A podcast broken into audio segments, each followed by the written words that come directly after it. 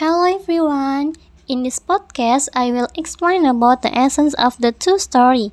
The first story, the title is an untruthful elephant, and the second story, the title is a greedy deer. Okay, the first, the first I will explain the first story. In one country, there's a pair of elephants named Shawn and Honey. They have two children, Andy and Danny. Andy has a harness, whereas Danny often leads. The lead that is often done is screaming near the river so that others think he is drowning, whereas he is Lee. One day, Danny is thirsty. He goes to the river. Because the river bank slippery, he fall in the river.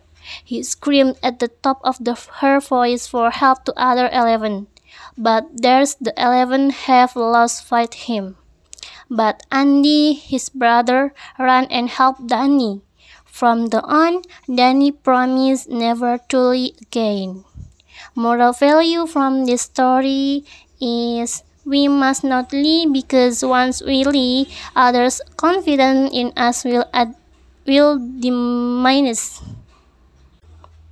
Next, the second story is a greedy deer. One day, the deer and elk were talking. The deer invited the elk to eat grapes in the forest, but the elk refused the invitation of the deer. He feared that, that the king would know and imprison him for taking his grapes. The elk suggests deer not to eat the grape.